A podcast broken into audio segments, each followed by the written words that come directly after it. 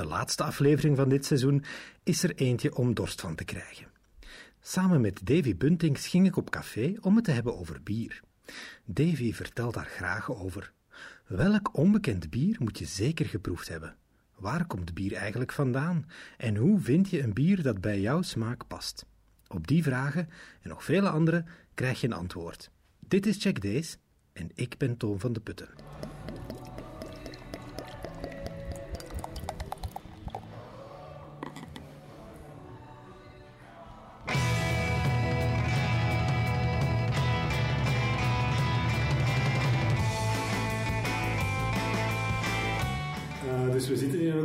Café in Mechelen.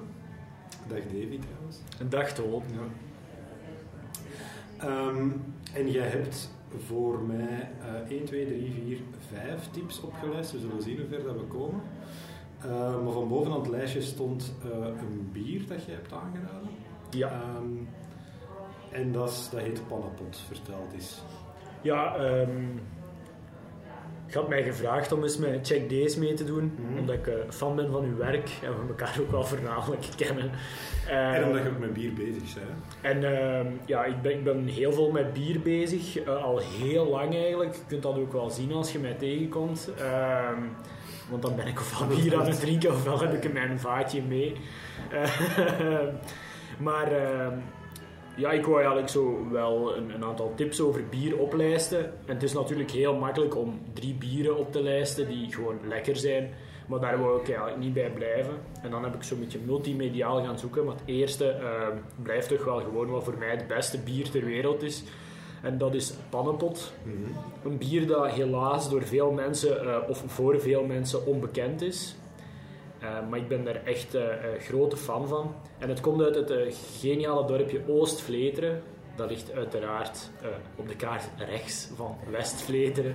En dat zijn eigenlijk drie gasten, de Struise Brouwers. En die zijn ooit begonnen met brouwen. En dat was bij Urbijn thuis, voor zover ik weet. Ik ken Carlo iets beter van de Struise Brouwers, maar ik denk dat het bij Urbijn thuis was. En hij woont in zo'n typische West-Vlaamse hoeve. In Limburg hebben we de vierkantshoeves en hij heeft zo'n zo breed uitgestrekte hoeve met paarden aan. En in, uh, in de stal of in een zijhuis daarvan, uh, een aanbouw, brouwden zij bier met een, een, een groepje. En ze noemden dan de Struise Brouwers. Maar ik kende hun enkel van een, een website waar ik mijn, mijn bierproeverij in gaf, Beer. En daar noemden ze de Sturdy Brewers. Uh, ik vond dat wel een grappige naam eigenlijk, want ik kende het woord daarvoor niet. Nee. Uh, en de, de Struise brouwers, de, de gasten zijn zelf ook struis. En zij maken zo bieren die doorsmaken. Uh, ze maken een, een, hoppig bier en dan is het echt wel hoppig, hoppig, hoppig. Niet per se bitter, de... maar zo uh, hop, dat zit in de nasmaak van een typisch pilsbier. Mm -hmm. uh, Zo'n droge nadronk. En ze hebben dan een bier gemaakt dat gewoon extreem droog is. Mm -hmm. uh, zo alles in overdrive doen. En Pannenpot is ook zo'n bier. Het is een donker bier. En het komt het dichtst bij wat een stout is. Maar het ligt ook dicht bij wat we kennen als een dubbel of een quadruppel. Een donker bier. En het is ook gewoon echt ja, struis, stevig. Uh, het smaakt goed door. En in het West-Vlaams, zoals Carlo het mij zelf ooit uh, omschreef, dat eten en drinken tegelijk. Mm. Uh, dat is het ook wel. En uh, het bier is dus een, een, een soort stout, lijvig bier. Um, en ze hebben er ook verschillende versies van. Uh, ze hebben vintage uh, versies, dus, ja, die hebben blijven liggen in de kelder. Maar ze hebben ook een reserva versie die ze op uh, Porto vaten volgens mij laten rijpen. En ze hebben dan ook nog een Grande reserva die ze op andere vaten laten rijpen. Volgens mij was het Calvados vroeger, maar ik ben niet zeker wat het nu is. En die komen ook elk jaar uit, dus die hebben dan nog drie jaar of twee jaar op vaten gelegen, gelegen vandaar de naam. En het coole aan dat bier is dat het gewoon standaard van zichzelf, vers om het zo te zeggen, goed is. Wanneer je het rijpt, is het ook geweldig. En wanneer dat ze het op vaten doen, uh, is het ook goed. En wanneer je die gevaten of op vaten gelegen bieren laat liggen in je kelder voor een tijd, uh, worden die ook zeker niet slechter. Um, en ze hebben ooit op Rate Beer tweede beste of derde beste bier ter wereld gewonnen. En zo ben ik er eigenlijk op uitgekomen. Maar dat zijn eigenlijk gewoon drie gasten in een schuur. Ja, ja of, of dat waar is alleszins. Allee, ja. Je vond het niet en dan ineens was er een café in Leuven. Zag ik op het internet waar ze dat hadden. En daar zijn we vanaf dan elke avond pannenpot gaan, uh, gaan drinken. En uh, ja, het is echt zo wel mijn smaak. Veel mensen zijn, zoals jij nu ook, uh, IPA's aan het drinken. Mhm. Ik ook heel veel.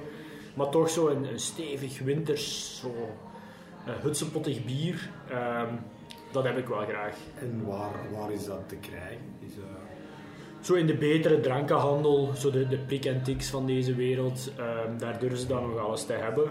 Eh, en zij zijn ondertussen ook wel eh, verhuisd. Ze zitten niet meer in de schuur. Ehm, ze hebben nu het schooltje, het oude schooltje, waar ze zelf ook naar school gegaan zijn, van eh, Oost-Vleteren, dus aan de kerk. Hebben ze gekocht. En eh, ja, dus in het oude klaslokaal van de ene brouwen ze de ene bieren, in het andere klaslokaal de andere. En je kunt daar ook gewoon aanrijden.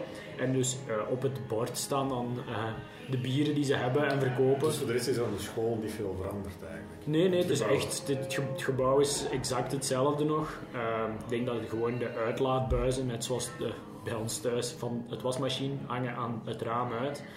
Ehm, en dus daar kun je aanrijden en ze hebben ook heel veel van die one-offs. Ze hebben ook eh, een van de beste kerstbieren ter wereld. Ze hebben een Cuvée Delphine, die eh, genoemd is naar de eh, onechtelijke dochter van de koning, Ja. eh, of de vorige koning. En voor de rest nog een link met de dokter van de... Ja, dus eh, het, eh, eh, er is een kunstwerk van haar, dus daar waar ze toestemming voor gekregen hebben om op het eh, label te zetten. En ze doen eigenlijk echt van die zotte dingen, samenwerken met Deense en Noorse brouwers, met Hollandse brouwers. En zo maken ze eigenlijk van alles. Ze hadden een, eh, een eigen bier, dat noemt Black Albert. Dat is echt een stout.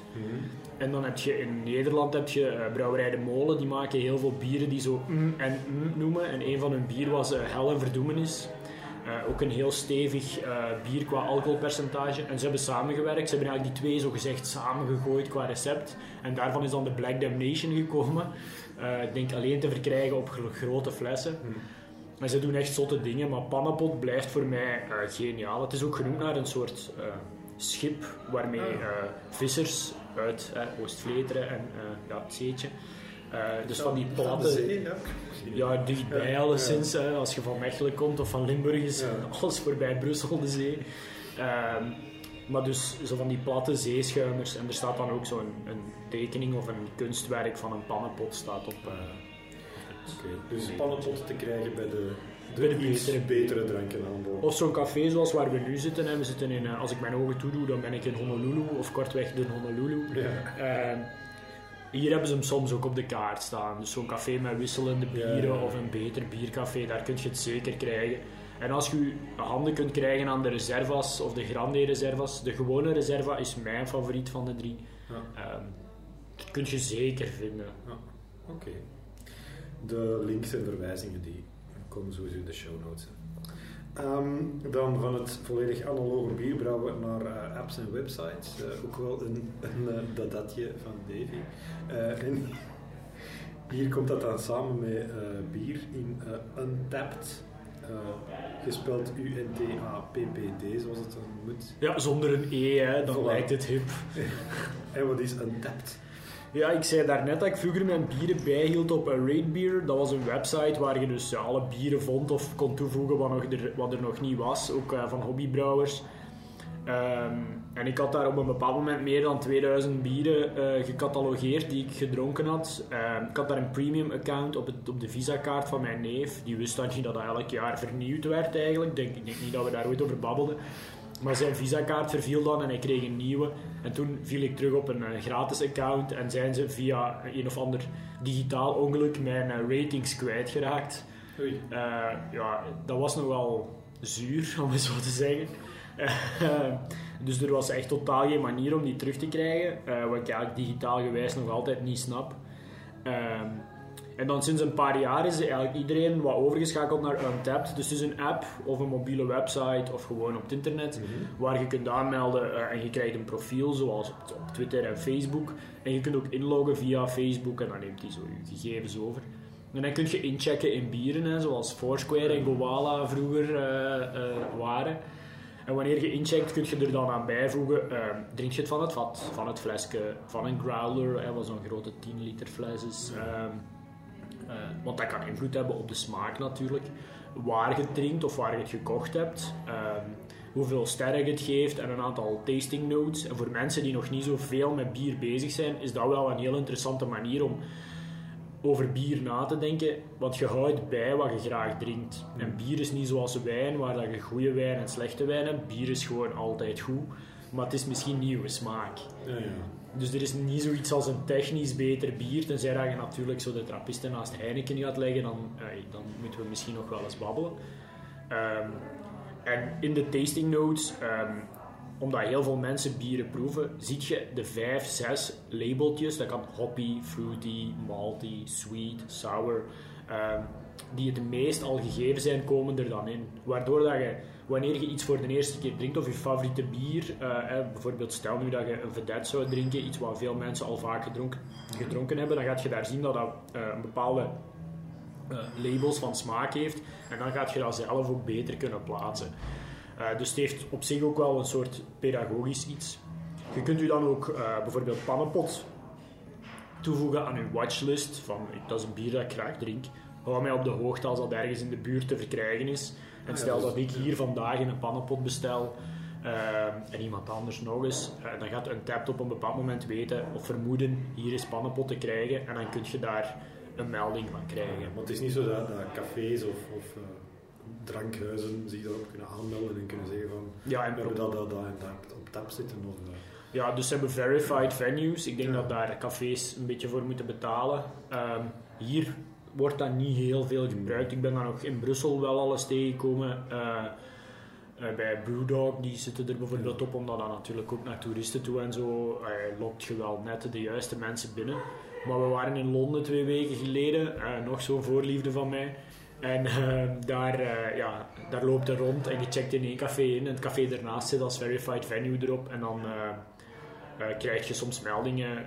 Stel nu dat de Honolulu daarop zit, zouden ze kunnen zeggen: we sturen een pushbericht naar alle Untapped gebruikers in Mechelen Ja. dat Vedette IPA op vat verkrijgbaar is. echt wel zoals Foursquare vroeger, maar dan specifiek voor bier eigenlijk. Ja, en, en het voelt minder als, als reclame aan. Hè. Dus Toen mij wat denken aan, aan Goodreads, maar dan. Ja. ja, dat is ook iets wat ik heel veel gebruik. Ja. Ik, ben wel een inchecker. Ik vind dat eigenlijk wel een heel goed systeem. Ja, maar ook qua suggestie van, van als je dit leuk vindt, vind je dat misschien ook leuk. Of zo. Ja, wat ik, er, wat ik er wel aan mis, is ehm, iets zo à la, à la Foursquare of Swarm, dat je ergens in de buurt bent en dat die zegt van you like Korean food, ga hier eens binnen. Dat doet, dat doet Foursquare heel goed, dat doet Untapped bijvoorbeeld niet. Je kunt niet zeggen, ik ben nu in een vreemde stad of omgeving, ehm, dat open doen en zeggen welk café moet ik het beste binnen gaan. Omdat bier zo toch nog altijd iets, iets heel speciaals is. Wat wel cool zou zijn, waar Vivino bijvoorbeeld ondertussen doet, dat is zo'n wijn-app. Dan kun je de wijnkaart scannen en die leest dan OCR-gewijs wat erop staat. En dan raadt hij u de wijn aan die dicht bij uw smaak ligt. Dat zou nog wel iets cool zijn voor bier. Maar ook hier waar we nu zitten, en heel veel bierbars, die hebben zo wisselende tapdingen. Dat staat dan alleen op, op de tapkraan of op een krijtbord. Of, allee, je hebt vaak geen lijst, dus ik snap ook wel dat ze daar niet echt aan inbouwen. Maar soms zou ik het wel leuk vinden. Je kunt, eh, kun je vriendjes maken en kun je... Ja. eh, de- En dan heb je een lijst van wat je vrienden aan het drinken zijn. Je kunt elkaar toasten eh, in plaats van liken. Ja. Ehm, En wat is hun verdienmodel? Want dat vind ik tegenwoordig altijd... volgens mij is dat echt puur die verified venues en die drankenhandelaars die betalen om, eh, om je dingen te laten zien. Ja. Eh, bijvoorbeeld de brouwerij eh, hier uit Anker, waar ik ook rondleidingen geef. Voor zover ik weet hebben ze dat eens een keer gedaan, dat wanneer je in Mechelen bent, kreeg je dan het- hun als verified venue. En als je dan een code liet zien, kreeg je 5% korting op een rondleiding bijvoorbeeld. En dat is natuurlijk dat is heel targeted reclame. Ehm, en volgens mij zit daar hun verdienmodel. En ook gewoon in, in een beetje wetenschap van wat zijn toffe bieren. Ja, ja, de Heel veel van die ja. dingen zijn zo trendrapports en zo trendvoorspelling. En die zeggen dan nu, ah, eh, bijvoorbeeld Berliner Weisse gaat groot zijn in de zomer bijvoorbeeld. Ja. Allee, dat is iets wat ik buikgevoelmatig denk. Ik weet niet of dat hun data Dat support. ja, dat zou de data van... Maar dat zou wel interessant kunnen zijn als je als café dat weet, dat je zoiets in huis moet halen bijvoorbeeld. Maar je komt daar echt op toffe dingen. Hè. Je ziet van mensen voorbij komen dat eh Siren Craft, een brouwerij uit, uit Engeland, ik zag daar kei veel bieren voorbij komen over verschillende mensen heen die 4, 4,5, 5 sterren krijgen. En ineens ziet je zo'n flesje staan in Londen. En dan weet je, ah, ik ga dat meenemen, want dit is iets wat ik ken. Dus die brouwerij heeft bij mij een soort brand recognition gecreëerd via Untapped Mhm. zonder dat ik allee, vroeger, het zou straf geweest zijn mocht je een brouwerij uit Londen kennen. Ja. En nu kent je er een aantal, net zoals de Struise brouwers eigenlijk vroeger op Raidbier voorbij kwamen. Maar het is ook gewoon echt heel leuk om, eh, En om is, biertjes bij te houden. nou, waarschijnlijk wel, het is Android, iOS. eh, Ja, en ook zo'n mobiele website. Vroeger hadden ze zelfs geen app, was het gewoon een endpunt Ja. untapped en eigenlijk werkte dat best wel goed. Een vriend van mij, eh, Jelle, die, die is zo nog wel voor webapps en ik denk dat dat wel een heel goed voorbeeld daarvan is. van hoe het kan werken. Goed, Untapped app en website. Ehm, dan een tv-reeks waar ik nog nooit van gehoord had. Het is ook al een paar jaar geleden. Ja. Ehm, blijkbaar een soort reality show over een, over een brouwerij. Of moet ik dat? eh, Brewmasters. heet Ja, het? Brewmasters. Dus eh, het gaat eigenlijk over eh, Sam Castiglioni. Die heeft een brouwerij die heel zotte dingen doet. En hij heeft een, eh, een contract gekregen van Discovery Channel om dus ja, zotte dingen te doen. En dan werd dat gefilmd. Het is eigenlijk geen reality show. Het is eigenlijk meer vergelijkbaar met zo eh, Tom Waas die naar het buitenland gaat en zotte dingen doet. En dus eh, eh, Sam eh, heeft het verhaal van het eerste bier, komt eigenlijk van Incas. Ehm, dus de vrouwen van de Incas die zaten hun, hun werk te doen thuis, aan het breien of weet ik veel wat Inca-vrouwen deden.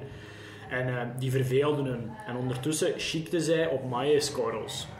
En wanneer zo'n maïskorrel dan helemaal verschikt was, dan eh, spuwden die die uit in een grote kom. De mannen waren jagen of, op het veld aan het werken of weet ik veel wat Inca-mannen deden. En die kwamen dan thuis en dan ehm, ja, dat was het eten en zo. En de mannen namen de dag nadien de pot van verschikte maïskorrels eh, mee op de jacht als drank. Ehm, en wat gebeurde er? Eh, dat was eigenlijk een soort frisdrankachtig iets. Waar dus de suikers van de maïskorrel was vrijgekomen door eh, de maalbeweging van de tanden en het speeksel in de warmte van de mond. En op die manier waren wat we koolhydraten noemen, dat zijn ingewikkelde suikers die aan elkaar hangen, waren die doorgeknipt en dan krijg je eenvoudige suikers. Dat gebeurt ook wanneer je spaghetti eet bijvoorbeeld, of pizza, daarom eten we dat zo graag. En ehm, dat was dus in die vloeistof gekomen en s'nachts waren daar wilde gisten aangekomen. En die hadden dat, die suiker, waren daarop beginnen werken en dan creëerde je een lichte eh, eh, eh, koolzuurgas, eh, een, bruis, maar ook een beetje alcohol. Het is een beetje vergelijkbaar met wat we nu kombucha, denk ik, zouden noemen. Eh, zo iets wat mensen nu ook ineens kennen. Ehm, en dat was eigenlijk in de geschiedschrijving het allereerste bier. En die Sam die geloofde dat niet, want ja, eigenlijk is dat wel een beetje vies, hè? zo maïskorrels waar je vrouw heel de dag op geschikt heeft Ja, meenemen als drank. Ik dacht, ik dacht dat bier dat niet zo'n kon drinken. Nee, dus dat is, zo, dat is echt de alleroudste eh, geschiedschrijving, eh, maar dat is dan maïs. En dan heb je daarna heb je verhalen over hoe ze graan zijn beginnen gebruiken. En allee, die komen dan weer van ergens anders. En dan, er is ook zo'n verhaal dat er een, een begijn of, of een non uit Duitsland zou begonnen zijn, heel bewust. Maar ik heb een plan. Dat is bier. Allee, Ah, ja. Niemand gelooft het, maar de katholieke kerk kan u veel wijs maken, denk ik dan. En dus Sam is dan naar de Incas gegaan en is dan op zoek gegaan naar de specifieke soort maïs die dat toen moet geschikt geweest zijn door die vrouwen.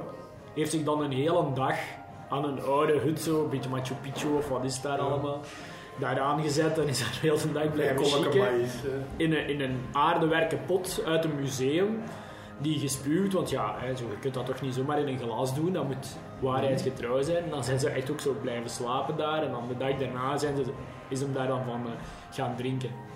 Maar hij had heel weinig, dus hij heeft dan ook zo'n heel dorp uitgenodigd om zo mee te chicken. En dat is eigenlijk is het gewoon het is, een soort En half dat is dan een aflevering. een ranzig verhaal, maar dat is dus een aflevering Ja. van Brewmasters. Ik denk dat er zes of acht afleveringen van zijn. Het was volgens mij niet zo populair. Nee, ik heb, ik heb eh, de, de, het Wikipedia-artikel gelezen. Er zijn vijf afleveringen, er zijn zes afleveringen gemaakt. Er zijn vijf uitgezonden. Eh, en de zesde ging over de opening van een café in New York, waar dat dan gedelayed geweest. Dus die aflevering kon niet afgemaakt worden, dat café ging maar niet open. Ah ja, oké.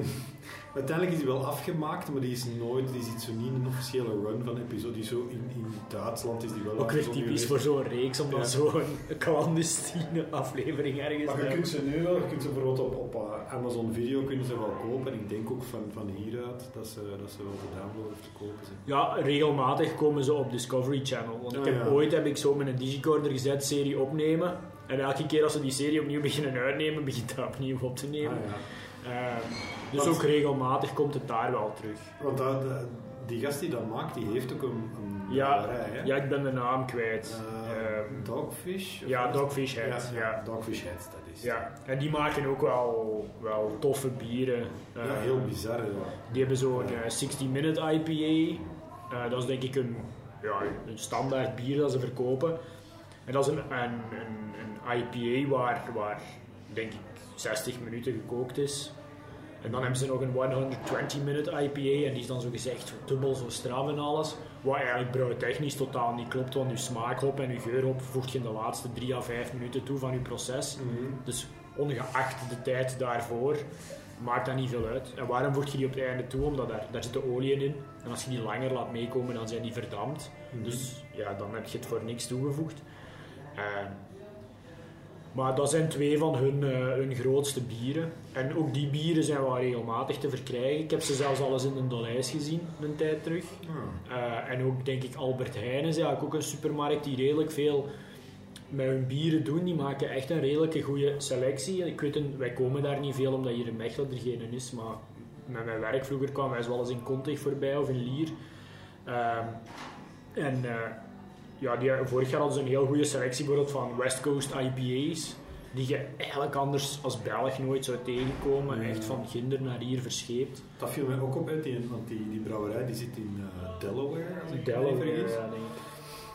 Ehm, en vanuit België hoorde eigenlijk, allee, België is zo'n heel klassiek conservatief bierland, denk ik dan. Als je zo ook zo leest van met wat die gasten allemaal bier maken, met, met de zotste ingrediënten en, en experimenteren, en terwijl dat hier zo'n heilige kunst Ik denk- is, is, dat, is dat een correcte indruk? Of, eh? Ik denk dat je daar volledig gelijk mee hebt. Eh, ik denk zelfs dat bijvoorbeeld in Engeland, Hmm. hè, zo Sirencraft, die hebben ze een double iced latte IPA gemaakt.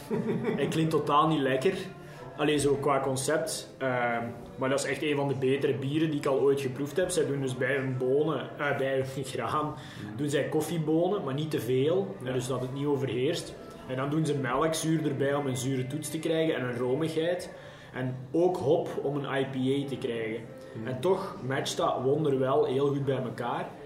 Ehm, en volgens mij komt dat omdat wij in België een biercultuur hebben. Je kunt hier elk café binnengaan en voor een schappelijke prijs kun je hier een, een duvel drinken of een vedette of een trappist. En iedereen zijn een smaak, ehm, maar op zich zijn dat goede bieren. En het is heel moeilijk ook om in die markt binnen te gaan, terwijl in Amerika eh, zijn de cafés geen eigendom van grote brouwerijen. Dat is al een heel groot verschil. En, en zij gaan ook meer op zoek naar extreme. Dat is ook een beetje de Amerikaanse inborst. Zo hoe bitterder de IPA, hoe beter zo gezegd. Terwijl in België eh, een hopsenior van Gouden Carolus bijvoorbeeld, dat is een heel milde eh, vorm van een IPA. Maar dat wordt hier beter gesmaakt. Dus zo, wij zijn zo iets meer... het midden van het bed is, eh, is al goed genoeg. En ik denk dat daar wel verschil zit, maar als je ziet hier in België, er zijn hier veel kleine brouwerijtjes waar je nooit van zijn leven iets van gaat horen. Hier in de Honolulu hebben ze nu de laatste bak van Stijnenmolen. Ook een soort IPA van een gast die denk ik Stijn noemt, uit Capelle door den Bos volgens mij, of leest. En eh, die deed dat gewoon in bijberoep na zijn werk. En dat was zo populair dat hij daar nu mee gestopt is, want die zit daar niet zitten om een brouwerij op te starten, want dat kost natuurlijk veel. Ja, dat is niet Je zit met voedselveiligheid, al die Ja. richtlijnen van Europa. Eh, dat is allemaal niet zo makkelijk, al zou ik daar ideologisch keihard achter moeten staan. Eh, maar dat, dat maakt het wel veel moeilijker om bijvoorbeeld een bier te gaan brouwen met koffiebonen bij. Dan is er nog Michel bijvoorbeeld uit Kapel op den Bos. Die is, is eigenaar van brouwerij Den Triest. Die maakt Triest IPA en die heeft nu al twee jaar op rij het beste bier ter wereld gewonnen. Dat is een man die kan naar zijn plaatselijke Dolhijs gaan en ik denk dat daar niemand gaat weten wat dat die mens doet. Ja, ja. Maar die is tot in Amerika en in China is die bekend als de man met het beste bier ter wereld. Dus het loont de moeite om, eh, om toch eens de, de, de niches op te zoeken. Ja, ja, ik denk dat wel. Zeker ook, er zijn heel veel cafés die daar bewust in investeren om eens een goede, een goede bak te kopen van het een of het ander Je speciaals. ziet dat ook wel meer, vind ik. Dat in een café dat ze zo Bier van de maand. bier van een maand of zo, en zelfs op, op, allee, op vat, eh, van, van, een, van, Van- het vat hebben Van het vat, ja. Ja. Ja, van het vat dat is wel iets heel speciaals, omdat zo in het buitenland is, is daar precies wel meer cultuur rond. Hè? Omdat in België is heel lang het vat dichtgetimmerd geweest door de brouwerij die eigenaar was van het café. En nu merken we wel veel meer dat er zo ook openheid is om één of twee tapkranen als gastbier te hebben. Ja. Eh, omdat brouwerijen, de, de, van de wereld, zien ook wel dat mensen daarvoor naar een café durven gaan. En jij drinkt misschien het gastbier, maar je twee vrienden drinken misschien een pintje. Ja, of je drinkt één keer een glas bier en dan twee pintjes. En zolang als jij geen vaste overeenkomst hebt met zo'n andere brouwerij, dus het zijn altijd ook occasionele contracten of gekoopt is een vat of twee, eh, dan is dat voor hun totaal geen concurrentie. En ik denk eigenlijk zelfs dat die markt totaal nog niet gesatureerd is op dat vlak. Maar ik denk wel dat als je op een café komt en je ziet daar een... Allee, dat is hoe dat ik eigenlijk ermee begonnen ben. Je kijkt op de kaart en wat kent je niet en dat bestellen. In plaats van Ja. hetgeen wat iedereen doet natuurlijk. En zo is eigenlijk bierkunde ook ontstaan. Hè. We waren met drie studenten die onze eigen studies moesten betalen. En op café gaan kostte gewoon te veel geld. En dan hadden wij een Excel gemaakt, zo de voorganger van eh, Google eh, Spreadsheets. Eh, ik ben de naam nu even kwijt, maar... eh, en daar gaven wij eh, onze bieren in die we kochten en we moesten er drie meebrengen. En dus één flesje eh, deelden we dan met drie. En wat is bierkunde? Want je dropt dat maar- Ja, dus eh, dat is mijn bijberoep eigenlijk nu, of de naam daarvan. Maar dat komt eigenlijk van de orde van de bierkunde. Dat waren dus drie nerds die rond tafel zaten. En die dus drie bieren kochten, dus negen dan in totaal op een avond. En dan dronken wij een derde van een flesje. Maar op die manier konden wij, waar eigenlijk inpilsen geworden is, deden wij op een zoiets wetenschappelijkere of nerdigere Met manier. Excel. Ja. Met een Excel bij. En die Excel diende eigenlijk één om te volgen wat we al geproefd hadden, zodat we dat konden onthouden. Maar als je een bier kocht dat we alles gehad hadden, wat dus op termijn veel en veel moeilijker werd, want na een paar weken hadden de lijst leeggedronken, eh, dan moest je de keer daarna dubbel zoveel bieren meebrengen. Dus ja, en als je dan weer de fout maakte, dan had je en je 12 en eh, 24. En dus voor, op een bepaald moment eh, zitten we wel gewoon aan, eh, aan een limiet. En dus wij deden wiskunde en natuurkunde.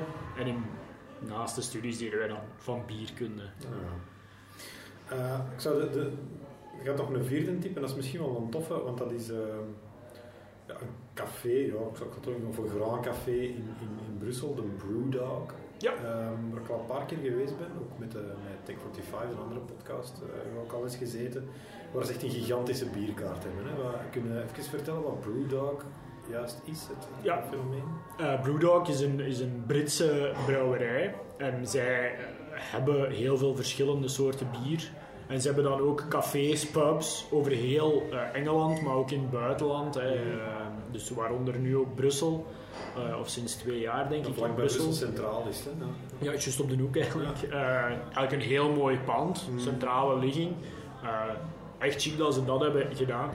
Dus daar hebben zij een brouwerij gedaan, een, een café gedaan. En het idee achter de Brewdog cafés is dat je een groot cinemabord hebt waar aan de ene kant links de bieren hangen van hun eigen brouwerij. Dat zijn er echt veel. Je hebt zo 5 AM Saint en Punk IPA en al alle normale dingen. En ze maken ook van die one-offs, die staan daar dan onder. Eh, die zijn vaak alleen dan in hun cafés ook te drinken, dus zo lokken ze dan de bierkenners of de liefhebbers binnen. En aan de rechterkant hangt altijd een wisselende lijst van brouwerijen waar ze mee samenwerken. Dus in Londen is dat nu heel vaak die Sirencraft die daarbij hangt, Eh, of Armandsen, dat is een Deense brouwerij. Ehm, en daar kopen zij dan één bier van aan in grote getalen en in al die cafés gaan ze die dan tappen. En dat is een manier waarop dat je dan bijvoorbeeld ook eens iets van Siren kunt drinken in Brussel, want anders komt dat er gewoon nooit van. Ehm, in België hebben ze, omdat er ook heel veel buitenlanders zijn die een brewdog vinden, hebben ze dan ook zo uh, acheltrappist en zo erop staan, omdat ja, mensen willen dat hier ook drinken. Voor ons zijn dat dan soms bieren waarvan je denkt, ik zou dat nu niet gekozen hebben, maar het is allemaal wel. En dan meestal hebben ze in zo'n uh, Brewdog, in, uh, Brewdog uh, café ook een aantal frigo's staan waar je een aantal dingen kunt kopen om mee te nemen. Ah, ja. Ze zijn ook de eerste, denk ik, in België, of misschien in de geschiedenis niet, maar toch zeker in de laatste jaren, die met growlers begonnen zijn. Dus dan koop je eigenlijk zo'n grote fles, mm -hmm. ik denk van 7 liter of zo, ik weet niet hoe groot dat het exact is. En die kun je dan laten vullen aan de tapkraan. Ah, ja. En dan doen ze daar een stop op en dan kun je die mee naar huis nemen. Het enige grote probleem is dat growlers hebben eigenlijk geen pressurized system. Dus tien uur later is je bier plat. Ja. Maar wat je wel kunt doen is bijvoorbeeld, en dat is eigenlijk heel tof, ik heb dat al een paar keer gedaan, als je met vrienden afspreekt voor de voetbal of om iets op tv te zien of voor een spelletjesavond en je werkt in Brussel, dan kun je zo'n growler vullen. Je growler kost geld en je bier kost dan veel minder. Dus dat is een herbruiksysteem. Uh, en dan vult je die en dan kun je eigenlijk heel de avond lekker bier drinken van hun bij je thuis. Het is wel een beetje een raar zicht, want dat past niet in je rugzak en zo. Uh, een fles van 7 liter op een trein. Maar niemand wow. weet echt wat dat is. Het ziet er eigenlijk zo'n beetje apothekerachtig uit. Ja, Mensen ja, denken, amai, die moeten wel serieus een hoest hebben. Ja. En je kunt ook bij hun uh, aandelen kopen als klant. Hè. Een beetje zo gelijk de ACO of de FNAC. Uh, zo Equity for Punks noemt dat. Ik heb dat wel uh, zitten uitzoeken om vanuit België aandelen te kopen, omdat in elk land zijn er andere regels en wetten voor aandelen, zeker in buitenlandse firma's. En uh, ik vond dat niet echt waterdicht. Dus ik, heb, ik ben daar bewust niet op ingegaan, uh, in tegenstelling tot bijvoorbeeld Brussels Beer Project, waar dat je ook aandelen van kunt kopen. In Engeland is dat allemaal veel simpeler. En als je daar op café gaat zien, dan hebben ze hun lijst. En dan onderaan kun je dan ook een aandeel kopen voor 45 pond. Hmm. En dan, ik geloof vorig jaar waren ze nog 35. Dus ik denk dat de aandelen meer waard geworden zijn. Maar het is volgens mij niet de bedoeling dat je die verkoopt. Nee, en dan krijg je een beetje korting en zo. Investering in. Uh, en sinds kort kun je er ook eten. Dus hebben ze een kaart uit. Zo Brits pub eten en zo. Ja. Een hamburger die vettig is van het vocht van het vlees en zo. Hmm. Lekker hè. Goed, oké. Okay. onze tijd stilletjes al op, dus uh, we, gaan, uh, we helaas moeten afronden. Um, de mensen die u willen vinden online, waar, waar, kunnen die, welke plekken zitten jij te vinden? Wat misschien het leukste is, is om naar bierkunde.be te gaan. daar kun je mij boeken of vragen stellen. En dan kom ik bij je thuis langs met een aantal bieren. Dat kan een kennismakingstasting zijn voor mensen die niet veel kennen van bier. Of ook specifiek. Ik heb zo een keer bij iemand thuis geweest met trappisten bijvoorbeeld. Mm. Of met alleen biologische bieren.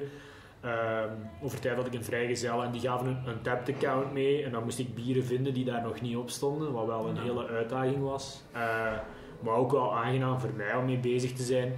En uh, voor de rest, uh, D-buntings, uh, overal. Overal. Ja. Waar er internet te vinden is. ja, zo ongeveer wel, ja. Oké, okay, bedankt en tot de volgende keer.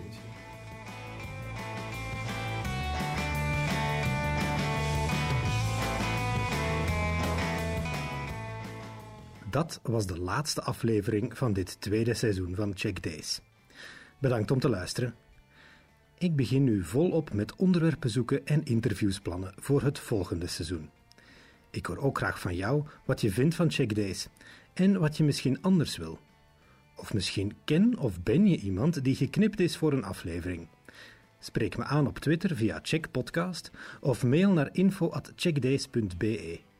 Wil je me gewoon steunen? Geef dan 5 sterretjes in Apple Podcasts en deel de link naar deze aflevering met al je vrienden. Alle tips en links uit deze aflevering en alle andere staan in de show notes en op de website www.checkdays.be. De muziek bij deze podcast is van WJLP. Die vind je op SoundCloud. Tot binnenkort.